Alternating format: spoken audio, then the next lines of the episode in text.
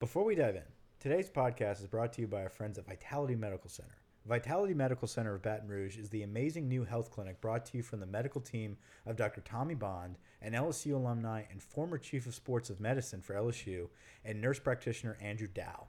Fellas, are you tired of fatigue? You know that feeling when you hit your 30s or 40s and energy levels just drop through the floor like a Les Miles offense? The guys at Vitality are the absolute experts and have developed an individualized custom treatment plan of testosterone replacement, peptide treatments, exercise, nutrition to get you back on your feet to feeling like a tiger. You know, a Joe Burrow type tiger, taking six touchdowns and scoring them Brett, all over Brett, the. Brett, stop. You got a little carried away, man. Seriously.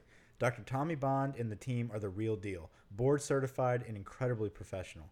The program is easy to do and results are fantastic. Team up by going to vitalitymedicalcenters.com and type the code POD in the contact form for a free consult. Leave your name and number also, and start your journey to more energy and drive with the Vitality Medical crew today.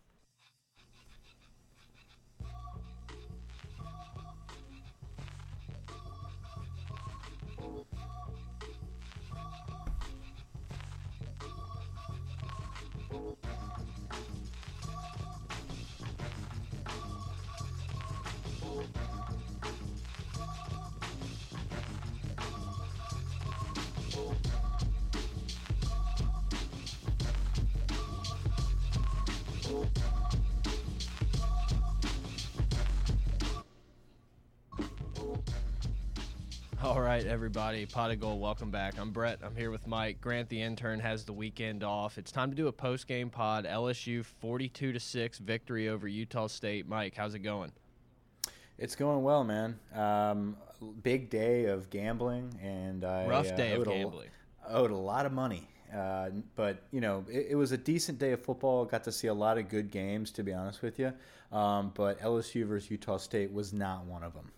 Yeah, that was uh, LSU Utah State. And look, man, it started uh, very sloppy. I think even throughout the first half, it was a pretty sloppy game. But LSU just had so much better talent on the field than than a Utah State could put out there. And I mean, they really shut down the quarterback. Love 15 of 30 for 130 and three picks. Derek Stingley with a pick. Kary Vincent with a pick. Where was the other one? Yeah, Grant called it. Grant called it. good call, Grant. Uh, Delpit. Yeah, Delpit, Delpit, had that right. pick. Which didn't really Um, seem like he. That didn't really seem like a pick. Seemed like that ball kind of moved when he hit the ground, but it was still a nice I don't play. know. It was close. He glued, glued it to his helmet, so good for him. He needed that because he needed something to come through and come alive uh, this game, and it wasn't him running up and giving himself an almost concussion in the first quarter. Um, but with that being said, I think the guys, this is like that first game that we actually looked at and said, okay, we literally didn't do anything, and we just out talented Utah Yeah. State. Like we out talented an opponent without actually accomplishing any of our goals. I could, I would say, um, it seemed like we had more energy in the pregame dances um, Yeah. than we actually did on the field, and that bugged me a little bit. And I'm not going to sit here and complain and be a negative Nancy the whole time, um, but it was just one of those weeks where you thought they were probably going to be trying to like work on the running game or work on sustaining longer drives. And they did and they did accomplish some of those things but they didn't accomplish them with crispness. It was just it was sloppy it was slow. Um, it was almost like the vanderbilt game where you're like waiting for an injury to happen. Yeah. just get these guys over with um, I think the fan experience was probably awful. That 11 o'clock, it looked Hot. terrible to be there. I'm sorry for everyone that was out there and had to deal with that kind of crap. Um, those games should not be played at 11 o'clock. Yeah, look, man, it was just kind of like I said, it was sloppy. The first drive, you know, it was a, a drop pass, a fumble, a penalty that brought back a Emery touchdown. Derrick Dillon highlight. Derrick Dillon played awesome, made every catch around, but it was Big, just big game, yeah. it was one of those that felt like coming off a bye, a big game next week, and didn't look super sharp. There, there was just more penalties and, and looking around. Even Burrow, he his throws were just not on target as much as they have been. It was just one of those sleepwalk type of games, and it's. I mean, I guess it's kind of cool to sleepwalk through a game and win forty-two to six, but it showed i think it was a nice little wake-up call to this team like hey you might be really good but anyone can lose when you turn it over 8000 times and, and get a bunch of penalties. So hopefully it's just a little wake-up call with florida coming in next week Yeah, no, I, I, think our guys are ready for Florida, and uh, I, I, don't think that you can look at the Utah State game and say, "Oh, if, if this team is what's going to show up for Florida, like we're screwed." Like, listen, yeah, th these guys were uninspired. It was eleven o'clock. They had a whole bye week. Um, I will say there was some silver linings, though. I think the defense, um, you know, holding them to six points. Say what you will about the scheme. I really think if you're going to brag about anything, it's that we were able to hold them to six points, sleepwalking on defense, and we didn't look atrocious. Um, At a um, minimum, I, it's a confidence boost for the defense. Yeah, yeah. I, I think you had a couple guys step up and become um, more confident, like you said, um, in their own abilities. And one of those cats was uh, Patrick Queen. I thought I thought Queen reminded me this game, um, unlike any other. He reminded me of an LSU defender um, that's becoming a star. He is what Devin White did last season, where he can play sideline to sideline. He reads he reads the play quickly, and he's stopping you behind the line of scrimmage. He's attacking in the backfield, and we haven't seen that from anybody consistently this season. This game, Queen did it on multiple occasions. Yeah, I agree. He reminds me of Devin White in the sense of he is always around the ball. It's like a, a play to the right, he's there. A play to the left, he's there. Up the middle, he, he's there. It's just one of those where He's getting more and more comfortable. You can tell the speed of the game is slowed down for him a lot, and he's just being an athlete out there, which is something that Devin White did better than anyone. Yeah, so Patrick Queen stepped up, had a big game. I think another guy um, that we've both been pretty hard on uh, so far this season played a little bit more in a natural position for him and a little less pressure because of Delpit playing closer to the line. I think Kary Vincent had yep. a better game for himself. He obviously came up with a pick. He was in a good position. Um, but you see him kind of flying around, using that speed to the best of his ability. Uh, that play that the, uh, I think DJ Shockley uh, pointed out on the broadcast, he was pretty bad, by the way. It wasn't great. Um, yeah, he pointed out on the broadcast that Vincent was out of position, didn't know where he was supposed to be at the last second.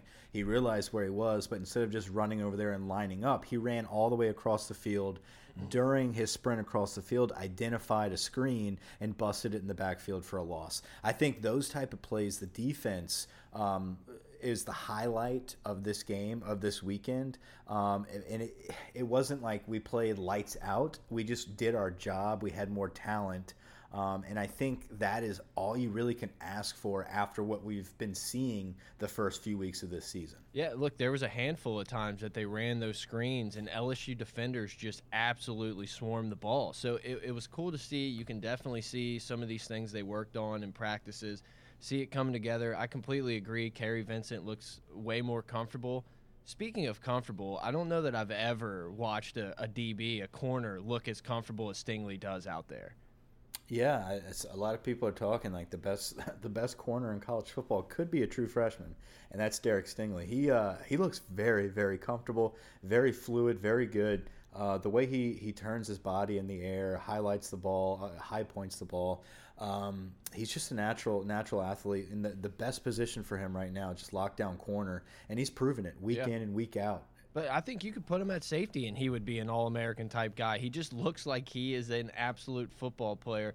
But just for, for someone so young to be able to trust it, and he always turns to try to locate the ball. It is this never like, oh God, I don't know. Uh, what was his name? Kevin Toliver was like the yeah. absolute worst at being too scared to like turn around and play the ball. He it seemed like he was always there. Stingley's the opposite. Stingley is always turning, looking for that pick, looking to make the big play now that he has that one, he has this second one now. I, I think it's just gonna. First, I don't think they're gonna throw at him a ton more this year, but those dominoes are gonna fall. He's gonna start catching all these balls. Yeah, I mean, Derek Stingley is definitely number one. Fulton is uh, is is number two in my book, and I think everybody understands that. He's still a good corner, uh, but Derek Stingley is head and shoulders above everybody else in his natural ability to play the position. And what's so great about Stingley is it's just only going to get better. We're only going to see him improve.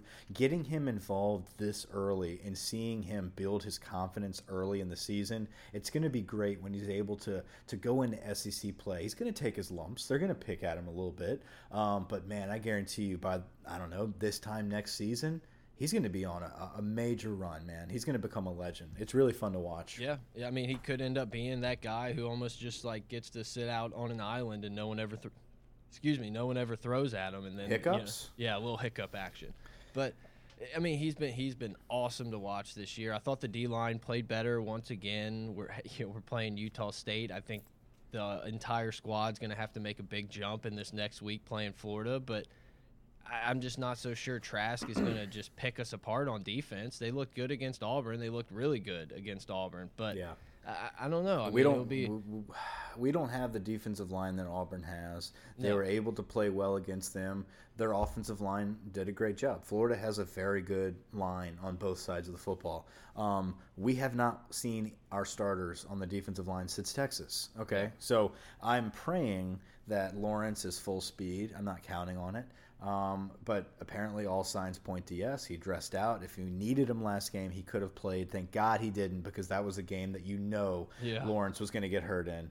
Um, but against Florida, I think it's one of those one of those games where he's going to have to step up, no matter how lingering uh, the injury may be. I think Lawrence has to go full speed. Fehoko, I love the kid. He's not cutting it. There's something about him. He, he busts through the backfield on multiple occasions, and he just doesn't make tackles in the backfield. I don't understand what that is. He'll slow the runner down, Yeah. uh, but he never cleans it up.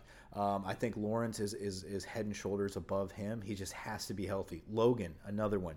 We have to have Logan back. Glen Logan and uh, and Rashard Lawrence back in the lineup will be huge. I will say, I, I'm sorry, I'm being so negative here. Um, I've always been a, a big hype guy for Chaisson, and I, I think he does a great job uh, for his role. But I think what we expected him to do was go above and beyond his role and responsibility and actually make plays in the backfield and add that pass rush without having to add a linebacker in there. And when you're playing teams like Utah State, you should be able to toss guys around and make plays in the backfield, and we just didn't see it. I don't know if he's still kind of hampering that ankle or whatever it might be and kind of just playing softer. I don't think that's the case. I really think that he's just not used to playing this much football, and Yeah. it, he might not be as advertised yet. I thought this past game, I was waiting for Chaisson to break out and do something crazy, get in the backfield, sack love multiple times. I just haven't seen it yet.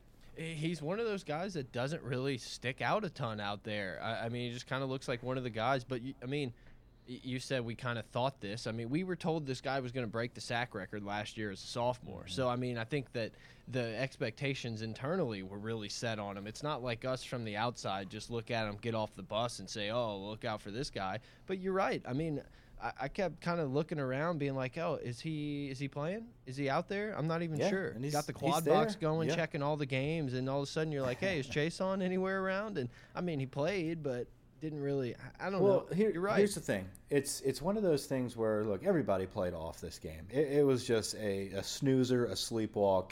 It was a typical like Les Miles type game where we're playing a bad opponent, we look like dog shit.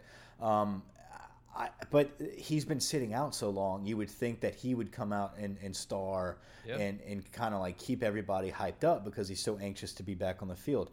This has to be his game against Florida. He has to come come through.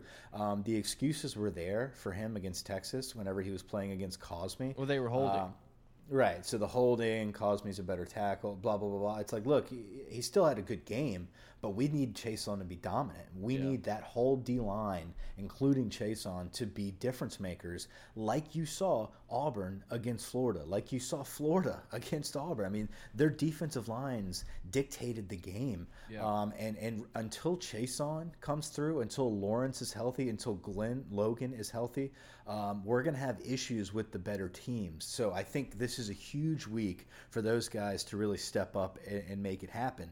Um, against Utah State, you still didn't really see that happening. But what you did see, what I think the silver lining is, our defensive black backs played very well uh, against um, a Utah State team that was going into this game throwing the ball very well. Yeah, I mean, Utah State was putting it on everybody, and I I really did. I thought that they were gonna give a, score a bunch of points on this team. I think we both had it in that fifty to twenty range. Yeah. And I mean, their offense was lucky to score six. I mean, Joe Burrow throws a pretty not not the best interception to Thad Moss, which Shockley was like, "Oh, Thad, you got to come up with that." And I was like, uh, "Does he? Does he?" but I mean, let's just let's move over to the offense for a little bit and then Yeah. we can kind of wrap it up but look guys hit us up on twitter at pot of gold pot of gold at gmail.com patreon.com slash gold new patreon supporter out there appreciate you otis our dude um, the offense man I, I mean it's so hard to say they played super sloppy when you look up and i mean they scored 42 points when you're at lsu but i, I thought the offense didn't look great at all. I mean, we had three fumble. Burrow just kind of fumbles it for no reason. Mm-hmm. Emery had the fumble that got punched out. Clyde fumbled it on the goal line. I, I mean, it was just one of those. It reminded me. I mean, you already said Les Miles, so you broke it down. I guess I can say it too. It, it felt Mm-hmm. Yeah. like a Les Miles game where it was just mistakes everywhere. I mean, just not looking crisp, which has been the exact opposite of this offense all season. And some people are like, oh, you know, time of possession was better. We're helping out the defense. I'd rather this. And it's like, maybe I just want to see Yeah. it crisp again. Yeah, no, no, exactly. And I think that that was my point when we when we opened this episode was like I think we were trying things. This was a, a game where it's like, okay, let's experiment a little bit, especially on offense with holding the ball a little bit more. Let's see if we can run the ball, sustain drives. Um, let's not strike too quick. Let's see what we can do. Um, and the problem with that is like even though we were doing it, I don't think our guys were used to it, and we got sloppy with it. I think they know in the back of their head it's like, all right, we can score if we really want to. We can just hit Jefferson on this one play, and like we can get in the end zone and move on. But instead, we're going to try to get get Moss involved. We're going to try to make sure Dare Rosenthal knows how to reach the edge, and let's you know run. Let's do an outside zone here and see if Clyde can hit this hole. Let's swing pass to Emery and make sure that he can catch the ball at the backfield. It's like we were trying all these new things, which is great. Uh, Joe Burrow keeping the ball on some reads and really using his feet. We haven't seen that see that more and more. Yeah. Right. I think that was a big part of his game last season. This season so far, it's been all through the air. He's been just a touchdown machine passing the football. I think we've been saving him for these big games. We're going to need Joe Burrow to run the football against these tough defenses because guess what? They're going to be honing in on Clyde and Emery and Ty Davis Price because they can. That's all they've seen to this point. I think getting Joe Burrow involved in the running game was a big key against Utah State. They did it some. It looked like it was forced at Yeah. some times where it's like it wasn't even really there and Burrow kept it for a couple yards. Put I think they really. Right. They wanted him to get used to it. They want other teams to know, like, hey, he can run as well, and he can run for tough yardage. It's not just wide open lanes, pick up a first down. He'll tuck and run and try to run over a linebacker at times. He's kind of wild. Yeah, I mean, look, I believe Florida's going to go in there and say we're going to let our defensive line do it. We're not going to bring a ton of pressure. We're going to, you know, try to stop the run with our front four and play in the back end of Joe Burrow. So, and I, I don't know, I kind of feel like Florida's defensive line has the advantage in that matchup. We'll talk about that a little bit more, but having Burrow being able to pull the ball and run has that extra defender having to make a read and giving you a little bit of a numbers advantage. So I definitely think it was awesome that they were putting that out there and Joe's ready to get after it. But I, I am worried about the offensive line going up against this Florida defensive line. Flo- you know, Bo Nix was playing great up until uh, Saturday in the swamp. Yeah, no, and, and respectfully so for Bo Nix. Bo Nix was playing above a level that anyone expected a true freshman to play. So it, it came down to reality this past weekend. It you know it's it's tough to go on the road in the SEC and not get rattled. And I think he did. I don't think he actually was rattled. He just didn't make you know easier throws that he should have been completing some of his decision making he tried to do do too many things on his own run for first downs that just were not even available um, he, he thought he was superman and he's not but i i think our guys um, I, I think joe burrow understands the football a lot better than bo nix does oh yeah, this point. I'm He's more been in the talking game. about the line.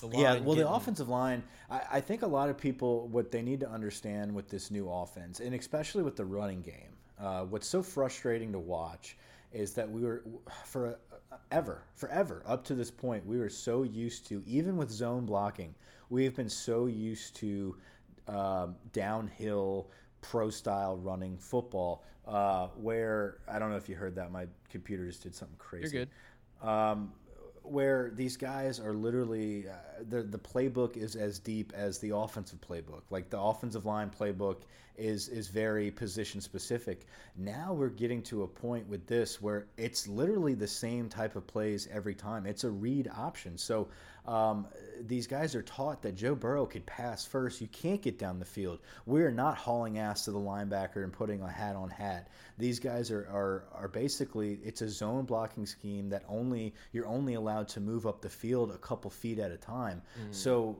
I, it's for me it is extremely frustrating to watch but we have to be patient with it it's going to develop over time when clyde takes that ball and just kind of stutters in the backfield and looks around you're just like go move but honestly there is nowhere to go there is no designed hole for him to hit he is supposed to read that because that ball could get pulled right. we could be throwing down the field so i think it's a patience thing and it'll come in time i think the running backs needed a little bit more time before we played Florida. That's my only concern. I feel like we needed a little bit more practice with this RPO and actually getting the ball and seeing it. You look at John Emery from the time his first carry to now against Utah State, you notice that he is a lot more hesitant and he makes that one cut on yeah. that back cut and he gets five, six yards a pop. He is starting to read it. Same with Ty Davis Price. Ty is a little bit different. He's kind of our old school Les Miles back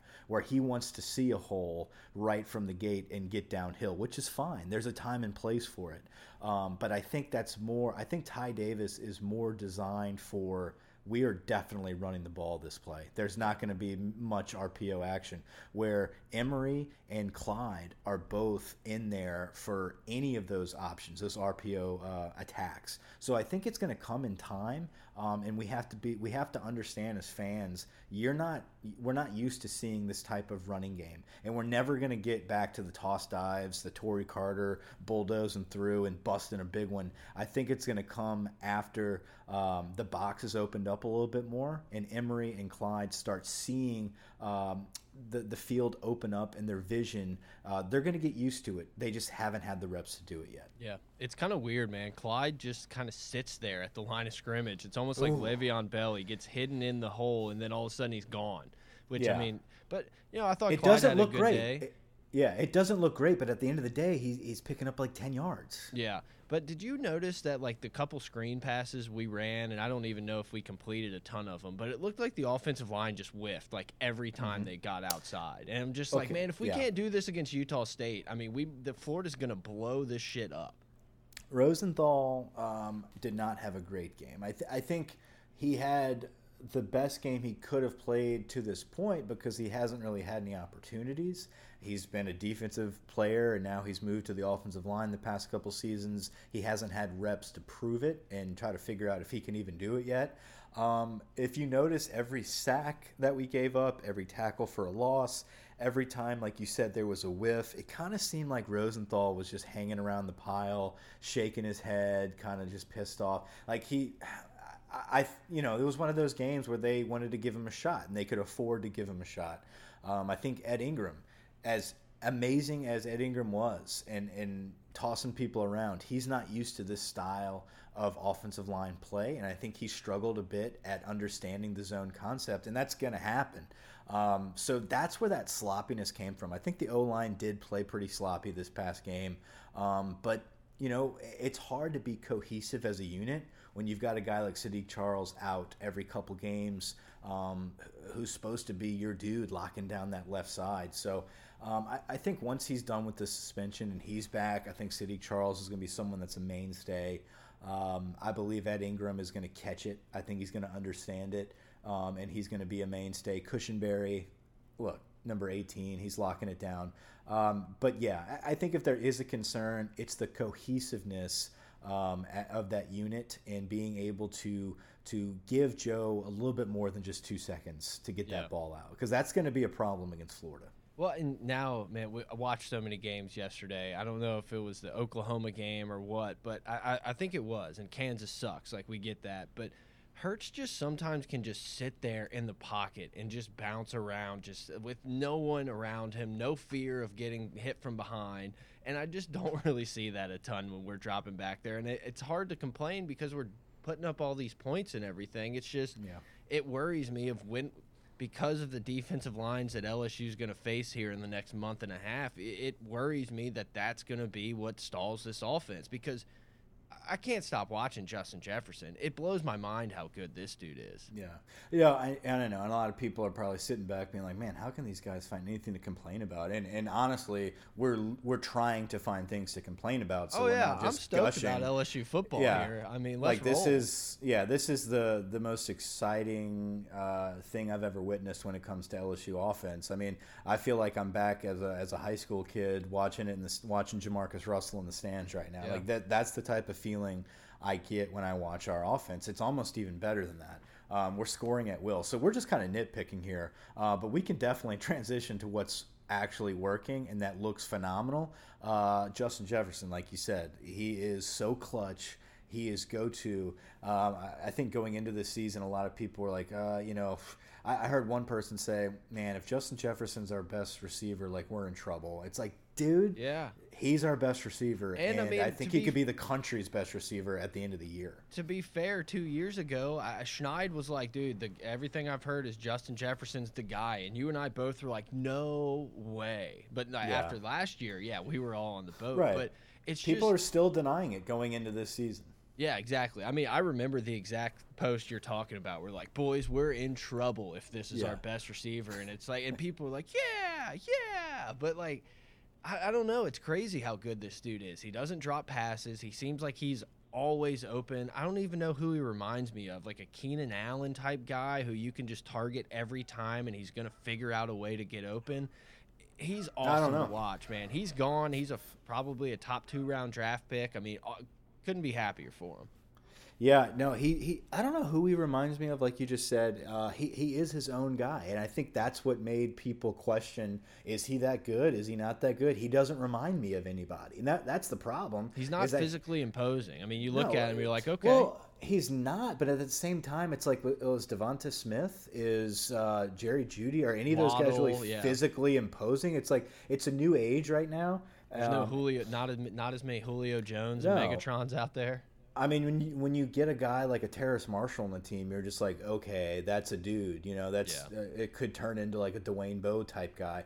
But you look at someone like Justin Jefferson, you think, what could he turn into? I don't know yet. I think we are finally seeing this is the new age of offense. That the Justin Jeffersons are the type of receivers that you're gonna want to have, rangy, uh, fast receivers that are just phenoms when it comes to route running. Um, and he's got hands like glue. I mean, that's Yeah. the thing is, if, if this dude was was out there running shitty routes, um, he wouldn't have the opportunities to show off his hands. His his route running is so perfect that he's always open just enough to show off his hands. He catches everything. Yeah, I mean, seriously, every time the ball goes up his way, it's just like you're like, up, first down, like we're moving it. W- wonder if he's going to break it. And I mean, Ja'Marr Chase obviously shows flashes of that, but I mean, it, it just shows. Justin Jefferson, nine receptions, 155.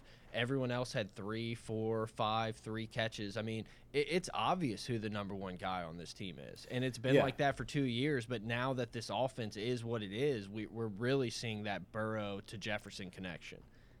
Yeah, absolutely. Um, I, I think I think Ja'Marr Chase is a guy that's just so sturdy. Like he, you cannot shake his game at all. You can't critique it. Everything he does is perfect. Um, I, I think Justin Jefferson is your playmaker, and the minute they decide to do something to lock him up, you always have an option to throw to Chase, and he will come down with it. He's always Mr. Reliable. He's strong, very sure-handed. Uh, you're not bringing him down with one man. Uh, he kind of reminds me of, of back in the day watching Buster Davis. I think Craig Yeah. Davis was a guy. It's like, oh yeah, I forgot about him. He's also on the team. Oh shit, he's gonna be Mr. Reliable and get drafted in the first three rounds. Um, I, I- I think that's who Ja'Marr Chase is. It's like all these guys are number one at any other team LSU has had in the past decade, but we have all three of them on the same team right now, and it's great to watch. Yeah, and look, we said his name already, but I think you have to give another type of shout out to Derrick Dillon because Derrick Dillon was a guy that we're like, oh, maybe he's just the, the injury. He's gotten completely passed up. We're not going to see him. He comes in uh, yesterday and just plays awesome. Four for 42 and a touchdown. For a, a, a quick minute there, it seemed like he was Burrow's go to target for a drive or two. Yeah. So while I was watching the game, I was kind of trying, you know, make some notes, mental notes. Uh, Keeping an eye on that Iowa Michigan game. Yeah, well, we'll get into that in a little bit. but uh, I was trying to figure out, like, okay, out of this kind of boring mess that we're watching, like, who's going to be the offensive MVP here? Um, I did try to predict, like, Jaray Jenkins because I figured that we'd have some type of backup wide receiver have a breakout game. I know. Um, I really wanted to give you some shit for that, but Sullivan went one for eight, so I don't really yeah, have a ton well, to stand mean, on. But look, that's the that's the unique part of our offense is like look, any given day, it doesn't matter who it is. Aside from our top three guys, uh, it could be a Palmer day. It could be a Derrick Dillon day. It could be a Kirkland day. It could be a Jerry Jenkins. I just assumed Jerry Jenkins might get his opportunity because he's that good as well. Um, but it actually was Derrick Dillon, and he came up and he did great. He's one of those guys that every time you think he's done, every time you want to put him in the corner, boom, he makes some big plays. He's coming around. Um, but I can't give him player of the game on offense. Uh, you got to go with what Jefferson did uh, throughout the, the the rest of the game, the remainder of the game. It was like, okay, this dude's a highlight machine. Obviously, Justin Jefferson is the guy. I was excited to see John Emery start the game so good. Uh, yep. That was a, a, pretty touchdown run. He is seeing the field. It's starting to slow down for him. Um, I think he's going to keep getting better and better. That is probably, and it, listen, I know Chun's going to love to hear this. Uh, I could see Emery by the end of the season taking number one reps. Uh, I, I, don't think it's right now. I think I think Clyde just sees the field so much better. Um, yeah. But it's but he's getting there. Emery is slowly getting there, and I think he's a home run threat. I mean, my only really argument to that would be is that we saw a freshman fumble the ball in a spot yep. where it doesn't matter, but when you're in SEC play, everyone's going for the ball. Every, that's, yeah that's why Ed trusted uh, Helaire in the Texas game so much and was not ready to put those yeah. guys in. I, am with you. I think Emery has shown that he's he's ready or almost ready to be the guy.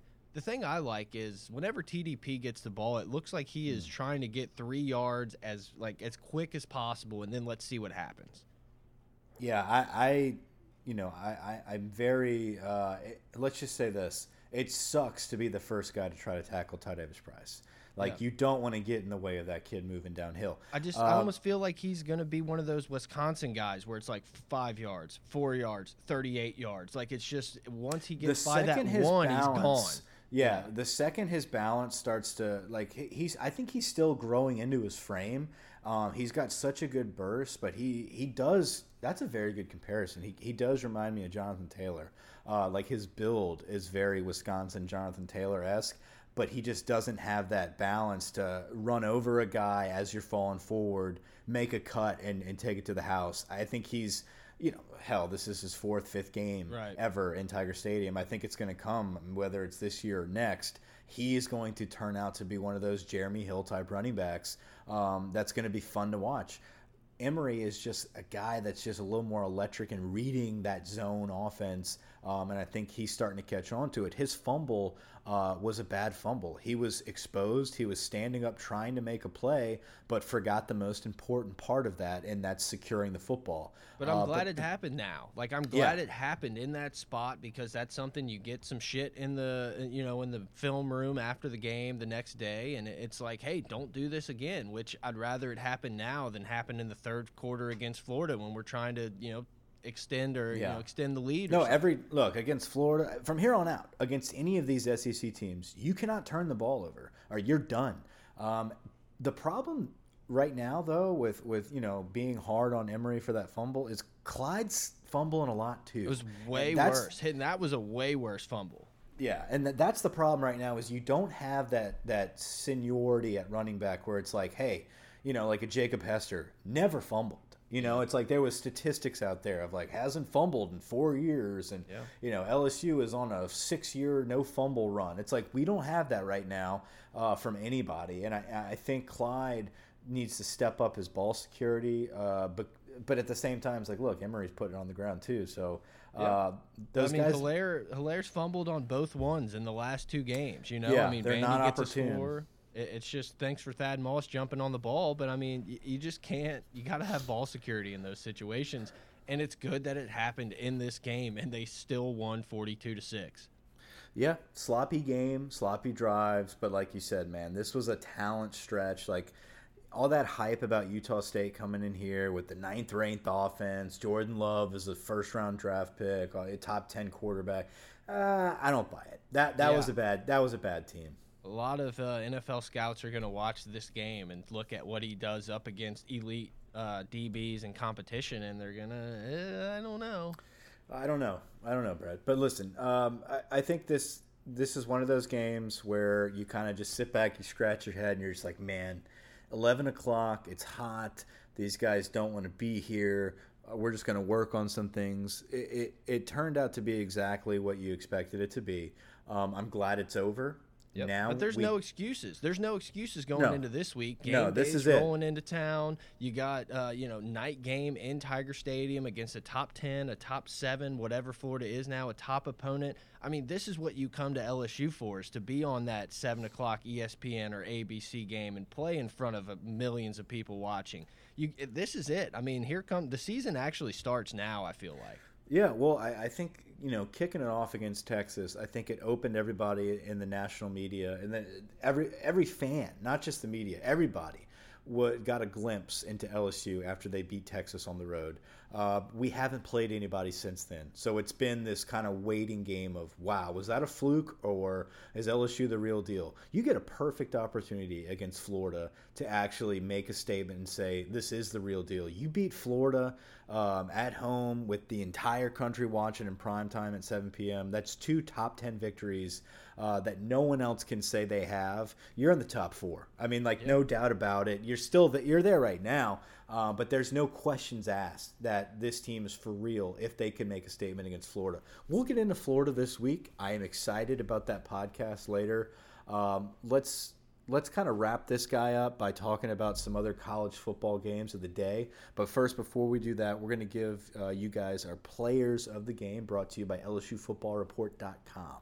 I think um, it's got to be consensus Jefferson on offense. I mean, Jeffer- there's just nowhere else. It might be consensus on both sides. Um, Are you maybe not? Say, what are you going to say for defense? Patrick Queen. I think Queen yeah. had uh, a lights out game. Obviously, I know who you're going, but uh, I think Jefferson on offense, we, we already talked about him, but Patrick Queen, like we talked about in the beginning of this episode, really reminded me of Devin White. He yep. was sideline to sideline. Uh, you need a spark. Delpit has not been that spark. Uh, Stingley has, but he is in his island. You know what yeah. I'm saying? Like he's not roaming on the line of scrimmage. You need someone on the line. Chaisson has not stepped up to be that guy. Patrick Queen did this game. I loved what I saw from him. He is the most valuable player uh, from this weekend. Yeah, I think you're right. I, I I want to see it. I thought you just did a walk off there. I, I want to see Patrick Queen do this against a Florida team, but a guy I'm going to go with, and Stingley deserves it just as much as anybody. But I'm just going to throw Kary Vincent's name out there because Kary was playing all over the field. We mentioned it earlier. Looked super comfortable and everywhere he was.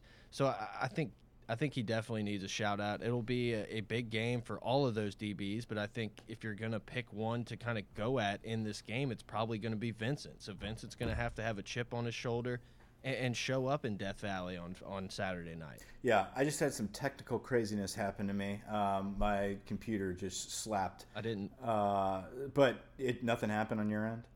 No, we're good. Okay, cool. Yeah, I just figured you kept talking. Um, so you went with Kary Vincent and not Derek Stingley. I mean, Stingley deserves it, but I just wanted to no, give Kary no, Vincent hey, because he had a great game. I I agree with you. I, I think I was hoping you didn't say Stingley because I, yeah. I really Stingley's the easy. Yeah, I, I think Derek Stingley's a guy that uh, those are he's big play, big play uh, making ability, uh, but I think he might slowly be transitioning into that Devin White where he's like potentially always the player of the game, so we go somewhere else. Yeah, you know. Yeah, you could easily have done that. Um, I think Grant called him as player of the game. He did call the pick though, so that that was yeah. cool. Yeah, he did a good job. But uh, let's talk yeah, about some of these games. Emory. Yeah, which one do you want to go into first? The the Iowa game. Uh, let's yeah, let's talk about that. Jim Harbaugh, uh, you know, he pulled it off. Uh, but look, listen, uh, I, I, said this whenever we we first started the episode, or maybe we weren't even recording yet.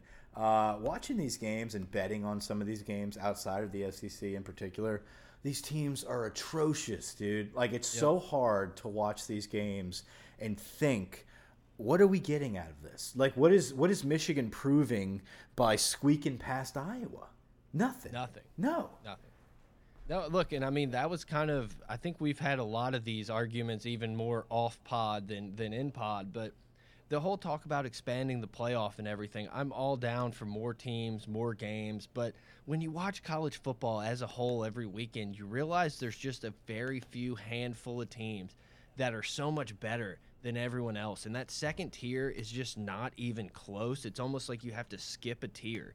And that's my only really argument to the the 18 playoff and how it should stay four or five, but I'm always down for more games. But you're right. I mean, it's just so there's a lot of bad football teams out there, and they could be ranked. Yeah, it's pretty wild. After watching this week, you really just sit back. You're like, man, outside of that top seven, maybe eight. I mean, you can put Wisconsin in there. Penn State's playing well. Texas. Outside of that, though, uh, and those are just fringe teams. Like everyone else is garbage. I mean, it, it's really hard to watch. Um, you know, I had Michigan State plus 19 and a half, and it's like for the life of these guys, they couldn't score a touchdown. Uh, but not only a touchdown, it's like the minute they start getting a drive going, it's like watching honestly, I, hate bringing Les Miles up over and over again. It was like watching Les Miles type football, where it's like the second you get a drive going, boom, there's a flag, or man, you, you catch somebody streaking across the middle wide open for a first down, and they just they just pure drop. I mean, like right in the hands and they drop the ball and they have to punt it. It's like what I, I don't understand it. Um, it was very infuriating. I lost a lot of money, but that's a, not a ton, but enough for no, me to, enough for me to be like I could have used that and I just wasted this on these idiots. I mean, it, it was yeah. it was horrible to watch. Um, let's let's say this though. Auburn and Florida, there was some sloppiness in that game, but at the end of the day, that was a thrilling game to watch. It was a great 2:30 slate. I was able to sit back on the new TV um, and and and really check out some great sipping a drink from your Vitality Medical mug. Yes, absolutely. I tweeted them. Hopefully, they saw that. Um, but but it was good to sit back and watch two juggernauts, uh, defensive style football, go head to head. They were hitting people out there. There was some big licks, and it was great to watch that. Uh, Trask is, man, I, I, I don't know what to think about Trask. He's not good, uh, but he gets the job better than Frank. Yeah, he gets the job done. He's one of those guys that's like, I hate using the term. Uh, for every quarterback that's not a phenom that just does the job well, a game manager. But he kind of fits that definition of he's going to throw the ball to the people that are open. He's not going to win games for you, but he's not really uh, well, I guess he could lose games for you. He kind of should have lost that game for them by giving up a couple of those fumbles, but uh, their defense came through. Bo Nix, on the other hand, played like a freshman on the road in SEC play, and that's what happens. I think Bo Nix is going to be incredible uh, the next couple seasons. I think he's just he's going through some growing pains right now. Uh, thank God because we get him as, at home as well, and I'd love to to give him a little bit more growing pain. But it was fun to watch that Auburn Florida game. That was the one highlight of my day. Uh, we actually won that one. I had Florida yeah. plus three. Uh, but at the end of the day, it's fun to watch. Like you said, there was hits. It was fun to watch these guys flying around, hitting people, making plays, and it, it was just kind of an SEC matchup there, where top defensive line guys are trying to get after some good quarterbacks and make some plays it, it, just watching a lot of these top SEC games and stuff, it just looks different than a lot of these other games around the country. I mean, Texas held off West Virginia, barely covered that ten and a half. At Tennessee, had Georgia on the ropes for a quarter or quarter and a half there, huh? Yeah, they had a, a freshman gunslinger. I think he was a freshman. Come in, uh, he looks like a freshman. Kind of looks like a mini Myles Brennan. Uh, but number 18 came in the game uh, for Guarantano and uh, was kind of lightening up. His first touchdown, his first pass of his career was a big touchdown. Uh, so I, I, I, think Tennessee um, had a lot of emotion and motivation going into this game. It was the battle of the Saban DCs, Kirby versus Pruitt. I think it was, you know, listen, Tennessee is terrible. Uh, but those fans are passionate, and you pack that stadium in for a Georgia night game. I mean, of course, there's going to be some stuff happening there, but at the end of the day, man, that second half they came out, the the better team pulled away. It really was no no comparison, no competition in the second half. But the first half, yeah, it got a little rocky there. Uh, but that's kind of the style of football Georgia plays. They kind of play you close, and they pull away towards the end with their style. Yeah, and I mean, I think the big kind of shocking one of the of the night or the whole day in general, Stanford beat up on your boy Petersen in Washington. Kind of surprising. If you would have been listening to the pregame show, you might have gotten a little five to one money line winner from your boy. Why is that my boy? Why? Why? Me, I'm your boy. I'm your boy. I'm giving you guys the winners, the tips. I, I don't win no, any I thought, money I thought you were calling me and Petersen boys. I mean, uh, oh well, I mean, you you are a big Petersen a fan. Petersen I wasn't gonna. I would take him. Ah, okay. He, he's Um, not pulling what about- talent up, and well, actually, his recruiting class is pretty good. Eason's a, a pretty good quarterback. Uh, but yeah, did they play defense? I haven't really been watching them. Yeah, I don't. Uh, uh, it wasn't great. What are the, so? I guess a couple of the games next week. Obviously, you have LSU, Florida, uh, Oklahoma, Texas. A game that's always fun to watch. Probably going to be in the fifties uh, for both teams. Maybe maybe get into the hundreds. Your uh, Michigan State's at Wisconsin. It'll be interesting to watch Wisconsin's run game against Michigan State's deep. Michigan State's got a good defense. Their offense is just really bad. Bama at A&M. I think this is a game that could uh, be a little surprising to some people. I think this is going to be a closer game than people think. I, uh, ultimately, Bama's going to win this football game, but A&M. I mean, their schedule is is atrocious. They have they have every single top team that you can imagine. I think they're going to pull one off against one of them. They almost did against Clemson. Uh, we found out that Clemson may not be the best team out there that we thought, but um, I think Bama going into A and M, it's going to rock some boats here. I think they're going to make some plays and they're going to test Alabama for the first time this season. Although Duke tested them early. Uh, Yeah, I was gonna say A and M's coming off a bye, but Bama's also coming off a bye, so Convenient, I guess that kind right? of washes that. Yeah, a little convenient. Um, another game, USC going to Notre Dame.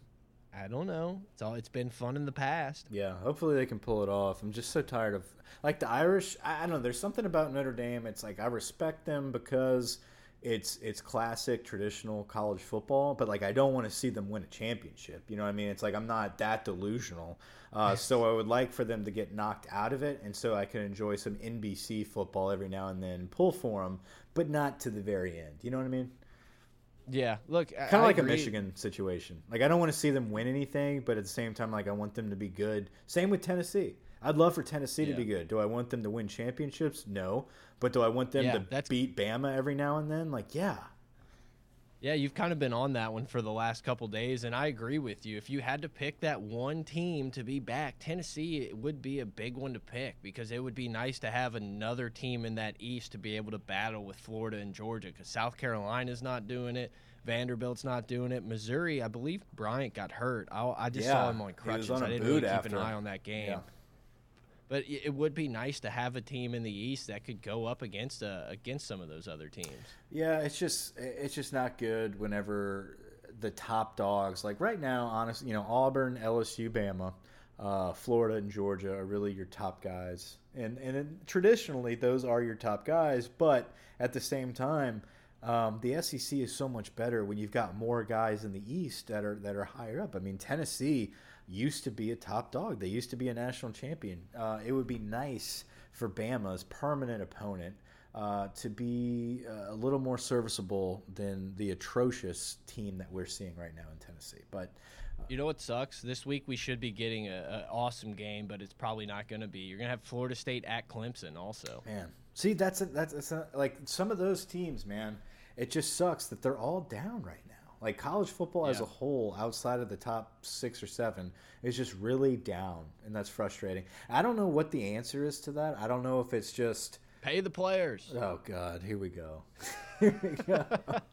I don't think so, man. Uh, we'll get into that. That'll be a good off-season podcast. We can get into some good. Yeah, maybe we'll get a former college athlete on there with us. Yeah, we'll, we'll Penn State, Iowa is another one. Penn State, Iowa. Yeah, I mean, I would have said that, um, but then I watched Iowa against Michigan. It's like, okay, they suck, so whatever. It's hard to imagine Iowa will be able to score enough points to beat Penn State. No, Penn State's playing well, but at the same time, like, Penn State put up a ton of points on They what beat Maryland. Like big, Yeah. big shit. Yeah. I don't know. Yeah. Uh, so we'll see. I don't know. I, I, it's going to be a hell of a week. I'm excited to get back in studio this week and, in pregame for Florida. Uh, should be a really exciting one. Uh, the post game, hopefully, we can win that one, and that'll be an exciting one. Uh, I'll be there. Brett is working on it. Tentatively, tentatively, uh, an appearance will be shown. Yeah, look, man, I'm really excited because it, the Texas game obviously was awesome. Pre-game pod was electric, but uh, there's just not really a ton. Obviously, you have a Mississippi State and Ole Miss, Arkansas on the schedule, but there's no more of these kind of just cakewalk games. Every game is SEC action. There's a potential we have a major guest lined up for the end of the week. We're not going to say anything because we're not sure if it's going to work out or not, but it would be awesome if we can get it. But I'm just excited, man. The season seems like it's really kicking off this week with an awesome game at Tiger Stadium under the lights, college game day. Hopefully, maybe we'll throw something at Reese on the game day set. Hey, yeah, But we it- need it's to. just gonna be fun. I, we need to come up with uh, a good sign idea. And guys, for everyone that's going out to game day, maybe you guys can throw out a, a pot of gold banner or a pot of gold sign or something. Uh, make one and That would be electric. yeah, the best the best sign that we see with pot of gold on it, you get uh, a couple free T-shirts. So we'll Yeah. figure that out. But uh, Maybe put our Patreon on there. I don't Yeah, know. Last knows? time people raised like billions of dollars. So I mean, we'll give a little bit of it to charity. I wouldn't say we're gonna give a lot of it, but we'll get you know a small small portion. we'll give back to recruiting. That'll be our thing. yeah. Uh, s- There you so, guys, yeah, we'll be back in studio this week. We're going to be talking a lot about this game. Uh, it's going to be an exciting week. So, uh, just to wrap things up, Brett, you got anything else? on on Twitter at pot of gold, pot of gold at gmail.com, patreon.com slash gold. All right, guys, see y'all next week. Over and out.